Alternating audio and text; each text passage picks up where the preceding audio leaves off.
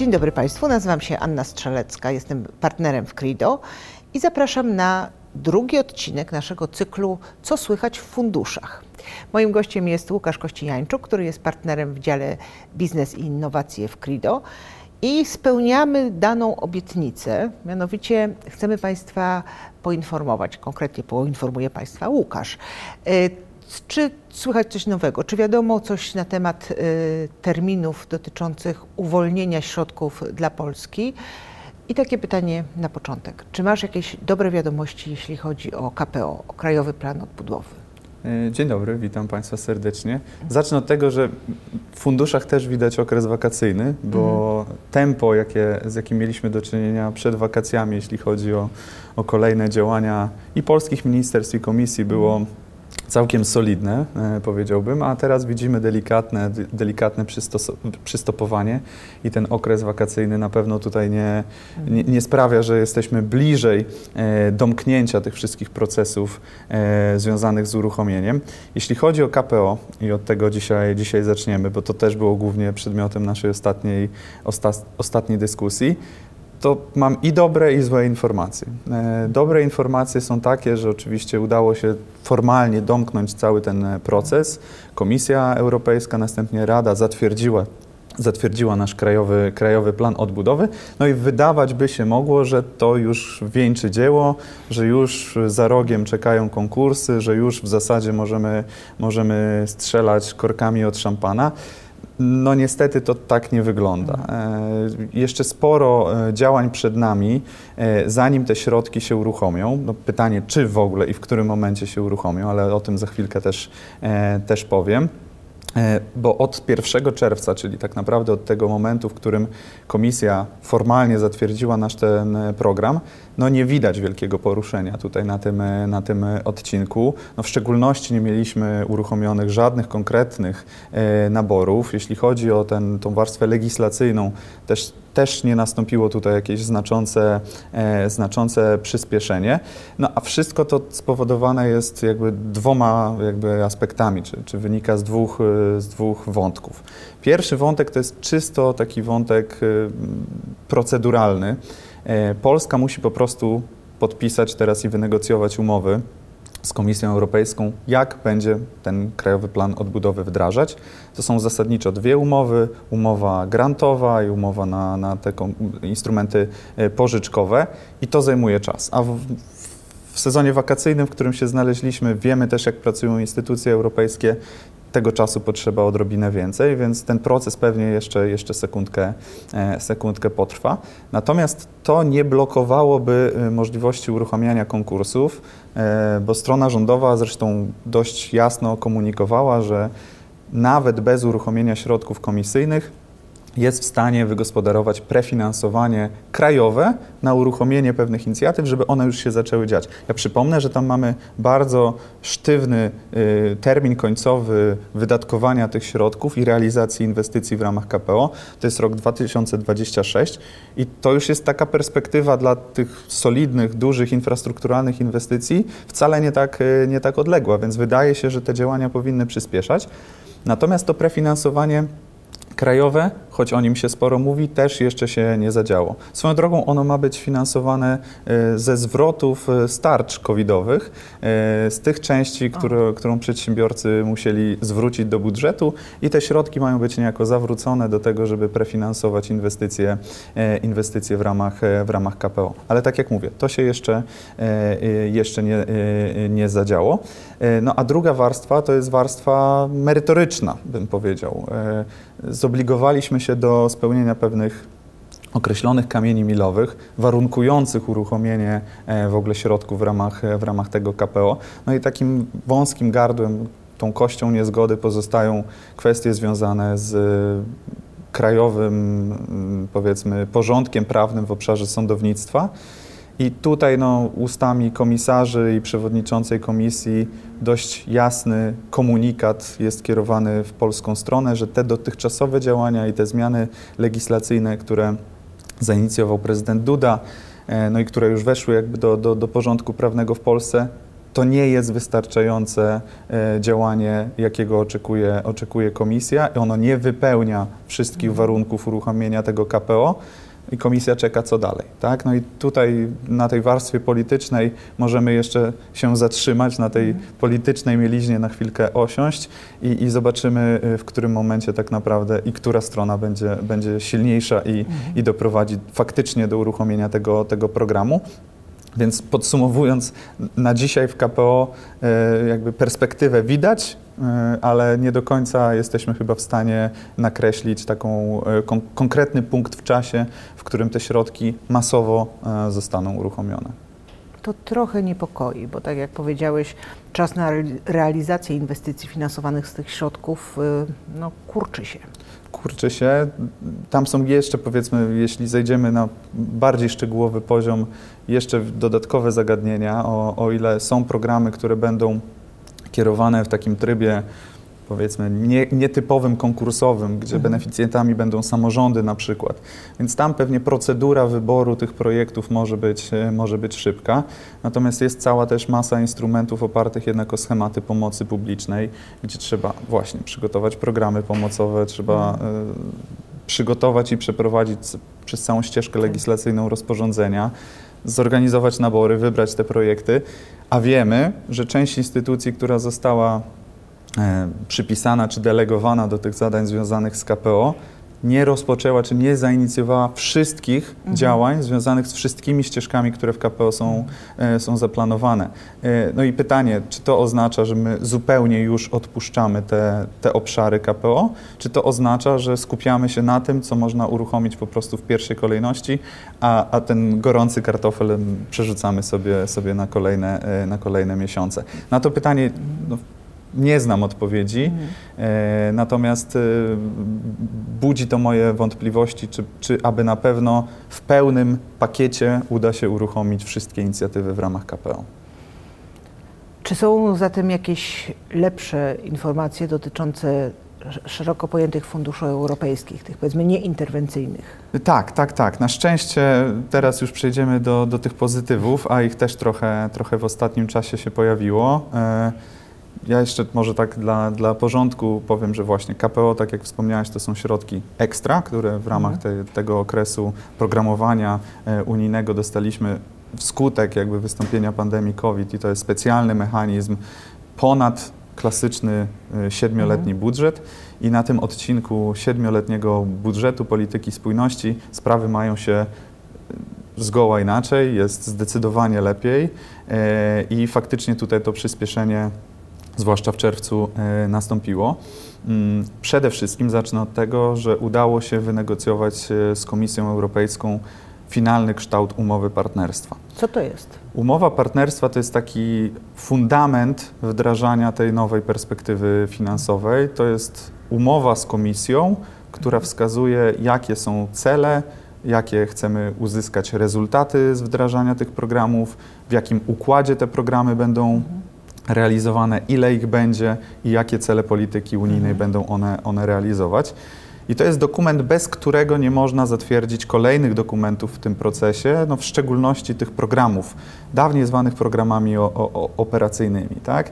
I umowa partnerstwa można w pewien sposób powiedzieć, że stanowiła blokadę do dalszych działań i dalszych decyzji e, Komisji Europejskiej. Ta blokada w czerwcu została już zwolniona i e, przystąpiliśmy do finalizacji prac nad programami e, tymi operacyjnymi. E, żeby tu była jasność, te prace też trwały równolegle z, z przygotowywaniem i akceptacją umowy partnerstwa. No i kilka dni temu, dosłownie 20, 20 lipca, program pierwszy, na który przedsiębiorcy chyba najbardziej czekają, czyli Fundusze Europejskie dla Nowoczesnej Gospodarki, bo to jest ten program, który można powiedzieć praktycznie w całości jest skierowany do biznesu i będzie wspierać tą działalność badawczo-rozwojową i innowacyjną, taką inwestycyjną.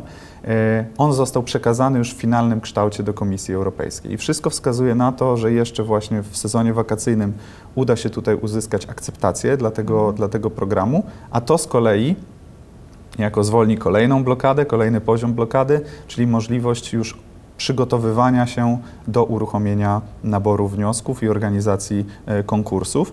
Wszystko wskazuje na to, że te pierwsze konkursy dla przedsiębiorców e, zostaną uruchomione jeszcze w tym roku.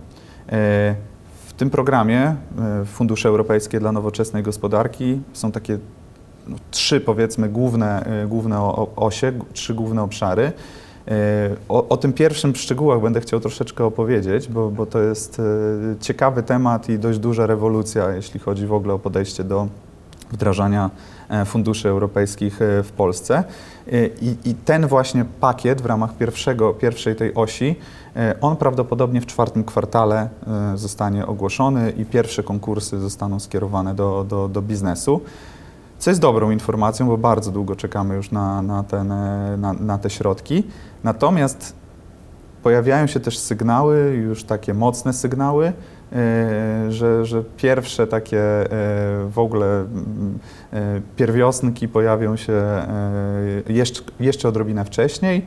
E, Bank Gospodarstwa Krajowego planuje uruchomić pierwszy konkurs w ramach takiego bardzo dobrze znanego instrumentu, który już dwie perspektywy z nami jest. Niech zgadnę, kredyt technologiczny? Tak jest, kredyt na innowacje technologiczne e, w trzecim kwartale. Oczywiście to jest e, obwarowane jeszcze wieloma gwiazdkami, bo to zależy od tempa tego, jak, jak szybko uda się komisji zatwierdzić e, ten program, ale jeśli tutaj sprawy potoczą się tak gładko, to, to prawdopodobnie wystartuj, wystartujemy w ramach tej nowej perspektywy z pierwszym konkursem właśnie, właśnie BGK i to ma być trzeci, trzeci kwartał, natomiast to pełne otwarcie prawdopodobnie nastąpi w, w czwartym kwartale. Mówi się o grudniu.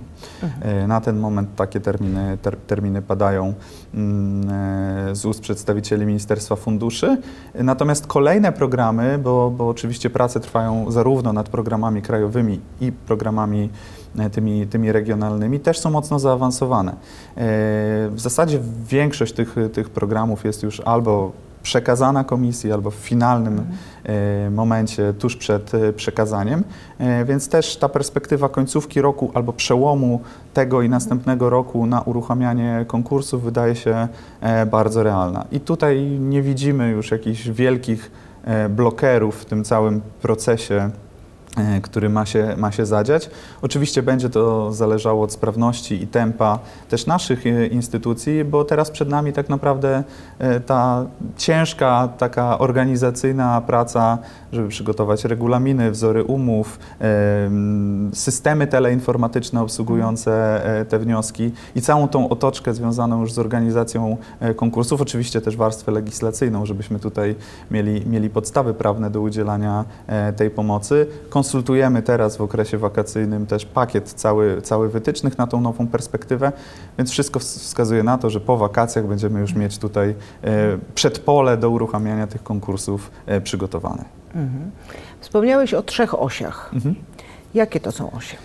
Y, Pierwszą na sekundkę zostawię, bo, bo ją chciałbym szerzej, szerzej skomentować. Druga oś to, to jest wsparcie takiego otoczenia instytucjonalnego biznesu, gdzie, gdzie pojawia się szereg instrumentów, które pośrednio są skierowane e, do, do biznesu, mają ułatwić działalność w ramach tych obszarów badawczego, rozwojowego, e, innowacyjnego, ale są kierowane przez różne instytucje otoczenia, otoczenia biznesu, różnego rodzaju wsparcie doradcze i, i, i tego typu e, instrumenty. I to jest taka oś wspierająca tą oś, oś e, pierwszą. Tam są instrumenty między innymi też związane z doradztwem w zakresie internacjonalizacji i tego typu, e, tego typu historie. Trzecia oś pojawiła się w trakcie programowania całego tego FENGA i, i to jest oś bardzo specyficzna. Wyodrębniono instrumenty tak naprawdę związane ze wsparciem wszystkich technologii prośrodowiskowych w firmach.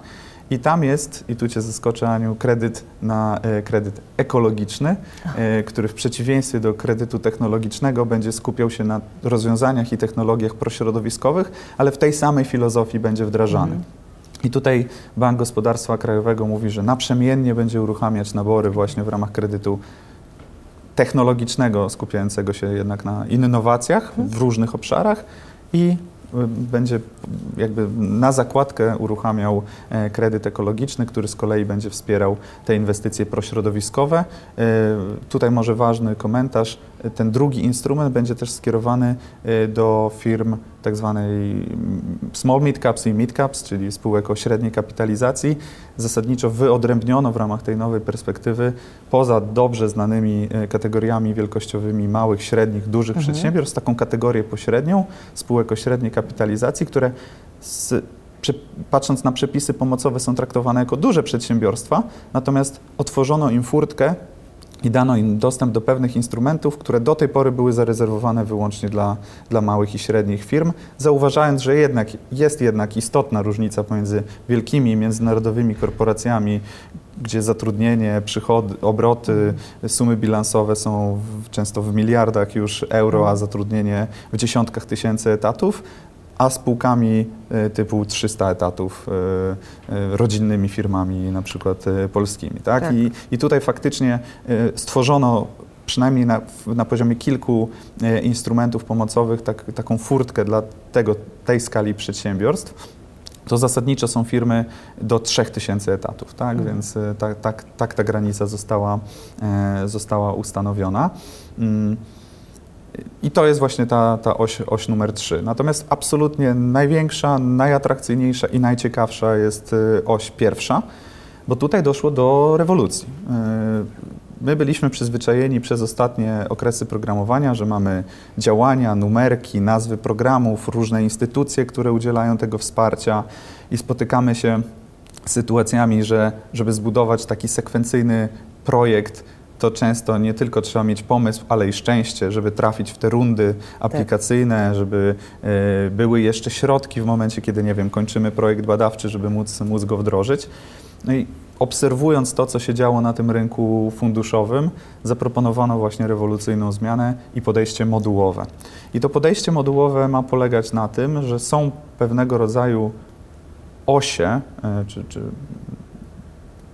obszary, które będą wymagane w projekcie i jak się domyślasz, tym obszarem jest obszar badawczo-rozwojowy, który w przypadku dużych firm jest obligatoryjny, a w przypadku małych i średnich firm on lub moduł wdrożenia wyników prac badawczo-rozwojowych jest obligatoryjny, ale on może być zasilony czy uzupełniony innymi modułami, e, które będą oczywiście tworzyć spójną całość. Tak? Oczywiście nie musi to być takie bezpośrednio powiązane i sekwencja tych, tych aktywności, natomiast musi to wynikać ze strategii rozwojowej firmy. Więc można sobie wyobrazić projekt, w którym oczywiście poza modułem badawczo-rozwojowym firma zdecyduje się zbudować centrum badawczo-rozwojowe, infrastrukturę pod badania i rozwój, przeprowadzić na tej infrastrukturze pakiet projektów badawczo-rozwojowych albo projekt badawczo-rozwojowy, dokonać na, następnie wdrożenia e, produkcyjnego, a następnie z tym produktem nowym, który wyszedł z tej nowej linii technologicznej, promować ten produkt na rynkach zagranicznych. I to nie będzie wymagane u złożenia czterech wniosków, tylko jednej takiej pakietowej e, oferty, którą będzie się składać do jednej instytucji i to jedna instytucja będzie e, dokonywać oceny tych wniosków. I tu znów zmiana. Y, Do tej pory każdy program miał swoją instytucję, a teraz tak naprawdę w tej pierwszej osi będziemy mieć do czynienia z dwoma instytucjami, które będą obsługiwać wszystkie te moduły. Podział jest po wielkości przedsiębiorstw, czyli małe, średnie firmy będą kierować e, swoje wnioski, swoje aplikacje do Polskiej Agencji Rozwoju Przedsiębiorczości, podczas gdy duże firmy będą, e, będą e, kooperować z Narodowym Centrum Badań i Rozwoju. Natomiast model tych, y, tych y, obu instytucji, kryteria, które będą przez nie stosowane, e, jak domyślam się również finalny kształt y, wniosku o dofinansowanie, no, powinny być identyczne albo możliwie, możliwe, możliwie zbliżone, bo logika stojąca za tym podejściem modułowym jest niezależna od instytucji, które będą, e, będą udzielać tego, tego wsparcia. Oczywiście odrobinę elastyczniejsze formy finansowania będą mieć zastosowanie do małych i średnich e, przedsiębiorstw, natomiast duże firmy zasadniczo praktycznie ze wszystkich tych, e, tych modułów e, będą mogły skorzystać. Jak kilka tych modułów wymieniłem wcześniej, ale tam jest jeszcze bardzo ważny moduł związany z cyfryzacją e, przedsiębiorstw, bardzo ważny moduł związany z zazielenieniem przedsiębiorstw, czyli też zastosowaniem czy dołożeniem do tego projektu kompleksowego, kompleks, y, projektu modułowego aspektów związanych z zielonymi technologiami. Oczywiście może ich dotyczyć sam projekt badawczo-rozwojowy, ale nie musi. Można sobie wyobrazić projekt badawczo-rozwojowy, mówię teraz o, oczywiście ab, absolutnie koncepcyjnie, i jednocześnie postawienie na, na dachu naszej istniejącej fabryki e, ogniw fotowol, fotowoltaicznych. Taki projekt w teorii e, spełnia tutaj wszystkie wymagania brzegowe e, takiego projektu, e, tak, takiego podejścia, e, podejścia modułowego. I jest tam jeszcze ważny dla Ciebie też moduł kompetencje, e, Mhm. gdzie do tej pory w ogóle programy tego typu jak FENG omijały ten wątek. Jest oddzielny program e, w tej nowej perspektywie, nazywa się FERS, Fundusze Europejskie dla Rozwoju Społecznego, który adresuje tematy społeczne, e, także związane, związane z edukacją. Natomiast tutaj zdecydowano się, że pewne mm, aspekty tego, tego, tego obszaru powinny być włączone e, do, tych, do tego podejścia modułowego. W szczególności dotyczy, dotyczy to wszystkich tych kompetencji, które wiążą się z prowadzeniem działalności badawczo-rozwojowej. Czyli to są różnego rodzaju metodyki zarządzania projektami, to jest zarządzanie innowacjami, mm, kwestie związane z mm, zarządzaniem prawami własności intelektualnej, ale też obsługą chociażby sprzętu, który w ramach takich projektów, na przykład do, do laboratorium jest, jest nabywany. Więc tutaj też są właśnie tego typu elementy możliwe do, do, do uwzględnienia. To wnioskodawca, wiedząc czego potrzebuje, sam będzie e, kreował swój, swój projekt, mając do wyboru no, bardzo elastyczne opcje, mogąc też oczywiście iść w ten scenariusz, który jest mu dobrze znany, czyli projektu indywidualnego, jeśli to będzie projekt badawczo-rozwojowy no, lub, lub projekt związany z wdrożeniem inwestycyjnym w przypadku małej, e, małej i średniej firmy. I jeszcze jedna rzecz mi przyszła do głowy, która jest e, dość istotną zmianą. E, Tutaj jeszcze finalnej decyzji komisji nie ma co do kształtu, natomiast co do kierunku już jest. E, Chodzi o to, że duże firmy e, będą po raz pierwszy od dłuższego czasu mogły skorzystać ze wsparcia e, na wdrożenia wyników prac badawczo-rozwojowych, czyli będzie dla nich dostępne wsparcie inwestycyjne. Inwestycyjne, tak. W ramach tej pierwszej osi wprowadzono ostatecznie w toku tych finalnych negocjacji z komisją pe- pewien ogranicznik procentowy, jaka pula środków do dużych firm będzie skierowana, to jest 25%. Natomiast będzie dostępna, w ogóle będzie stworzona możliwość uzyskania przez duże firmy wsparcia inwestycyjnego na wdrożenia, też w nowej formie, bo to będzie dotacja e, warunkowa, czy dotacja zwrotna, e, dwóch nazw się używa. Mm, Polega to, polegać to będzie na tym, e, że e, firma aplikując o takie wsparcie e, uzyska dofinansowanie zgodne z zasadami pomocy publicznej, ale to dofinansowanie, czyli z, ma- z mapą, e, regio- mapą pomocy regionalnej, ale to dofinansowanie będzie podzielone e, na dwa elementy. Będzie dofinansowanie stałe, e, w domyśle nieuzależnione od efektów tego, tego projektu. Ta część jeszcze, tak jak mówię, nie jest przesądzona. Tam jest wskazane, że, że część zmienna powinna wynosić minimum 50, e, 50% e, tego, tego dofinansowania i właśnie część zmienna, która oczywiście będzie wypłacana w toku realizacji projektu, ale to, czy ona zostanie zachowana przez tego beneficjenta, czy będzie podlegać zwrotowi, o tym będzie przesądzać efekt ekonomiczny, jaki na tym wdrożeniu uda się zrealizować. I zasada jest tutaj prosta. Im większe przychody zostaną wygenerowane, im większa będzie na razie mówimy o przychodach w tej koncepcji, która była dyskutowana, ale możliwe, że przekształci się to w jakiś inny wskaźnik e, opłacalności ekonomicznej przedsięwzięcia i ten wskaźnik będzie determinować, jak dużo z tej części zwrotnej e, wnioskodawca finalnie po czterech latach będzie musiał, e, będzie musiał zwrócić. Jeśli projekt faktycznie okaże się sukcesem, zostanie wdrożony rynkowo, pojawią się przychody z tego tytułu, to zwrot będzie minimalizowany. W najlepszym scenariuszu, jaki, jaki można sobie wyobrazić, według ostatniej propozycji, którą mieliśmy okazję, e, okazję analizować i opiniować, e, ten minimalny e, zwrot, optymalny scenariusz, czyli minimalny zwrot, to będzie 10% części, części zwrotnej. Więc to jest bardzo atrakcyjna formuła, bo w zasadzie zbliżająca ten instrument do klasycznej, do klasycznej dotacji. Dotacji. Tak. Bardzo dziękuję. A gdyby jakiś przedsiębiorca y, zapytał, co w związku z tym, co on teraz powinien robić? Oczywiście poza śledzeniem y, informacji na stronie Crido Biznes Innowacje i na Krytotece. Y, Czy to jest czas, żeby zrobić, nie wiem, czy może już za późno, no, przegląd planów inwestycyjnych pod kątem y, funduszy, bo już trochę wiemy, więc wydaje się, że są y, merytoryczne podstawy, żeby podejmować pewne decyzje dotyczące kształtu inwestycji. Absolutnie. Myślę, że to już jest ten moment, kiedy, kiedy można się zastanawiać nad konkretnym projektem. Y, Zaznaczę, że nie mamy jeszcze finalnej dokumentacji kształtu tego mm, e, wniosku, jaki będziemy składać, natomiast też można się domyślać, jakie elementy w tej, w tej aplikacji będą, będą wymagane, biorąc pod uwagę to, jak wyglądała poprzednia, poprzednia perspektywa. No i tutaj nie zakładam, że, że dokonana zostanie olbrzymia rewolucja w tym zakresie, ale nawet odkładając to na chwilę na bok, yy, mówiąc o konkretnych pracach nad, nad aplikacją, prace koncepcyjne, ułożenie e, pewnej logiki projektu i zidentyfikowanie, zmapowanie tych obszarów, które perspektywie takiej czasowej za kilka miesięcy będą już tematami do uruchomienia, e, to na pewno jest, jest e, Dobry działanie, moment. które warto byłoby e, wykonać.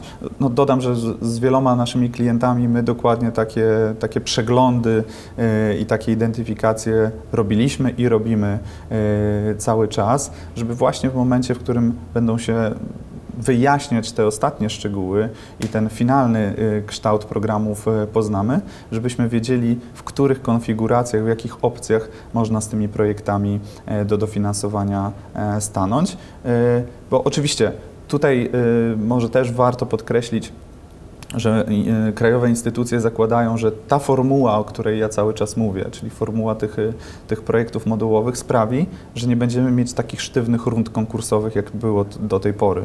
Mamy nabór, nie wiem, miesiąc, albo jak w dawnych czasach bywało, kto pierwszy, ten lepszy i kończą się środki e, i, i, i, i po dwóch dniach nie mamy, nie mamy co, co szukać w danym konkursie.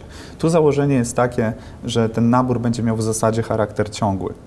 Oczywiście będą pule środków na, e, e, na, na, na daną rundę, powiedzmy, e, natomiast założenia na dzisiaj są takie, że przynajmniej w początkowej fazie wdrażania tego, tego programu te przerwy będą mieć charakter taki techniczny, żeby dostosować dokumentację do tego, co zidentyfikowaliśmy jako powiedzmy problematyczne w danym, w danym naborze, za, załatamy dziury i z powrotem uruchamiamy, uruchamiamy ten, ten konkurs, żeby przedsiębiorca miał w zasadzie y, swobodę decydowania, w którym momencie y, składa wniosek i w jakiej, y, w jakiej konfiguracji. No i to jest też bez dwóch zdań rewolucyjna zmiana, która, e, która nas czeka, bo my przywykliśmy do tego funkcjonowania od rundy do rundy, a teraz wydaje się, że tutaj będzie e, dużo bardziej elastyczne, elastyczne podejście do tego, w którym momencie będzie można taki wniosek przygotować i złożyć. Niemniej jednak warto być pewnie gotowym już na tą,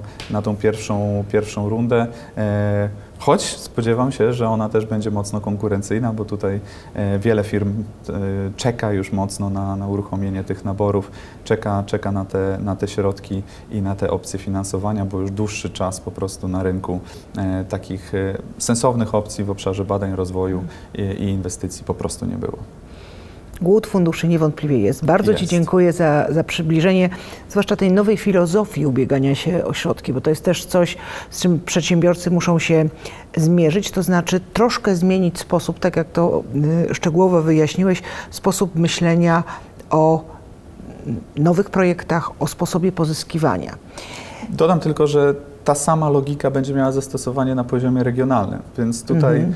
W zasadzie wszystkie środki, jakie będą dystrybuowane do przedsiębiorców, według podobnych schematów będą, e, będą działać, więc to nie jest tak, że tylko z dużymi projektami na poziomie krajowym w ramach tego fęgu e, trzeba tę logikę stosować. Ona zjedzie też poziom niżej na, na poziom tych funduszy, y, dawniej regionalnych programów operacyjnych, teraz funduszy europejskich dla regionów i dokładnie według tego modelu e, e, regiony będą również dystrybuować środki europejskie. Bardzo Ci dziękuję. Obiecujemy, że będziemy Państwa na bieżąco informować, co się dzieje w funduszach i y, no, chciałabym wymóc taką obietnicę na Łukaszu, że będzie miał więcej dobrych informacji, ale niestety w tym zakresie od nas niewiele zależy. Niestety. Do zobaczenia. Dziękujemy. Do widzenia.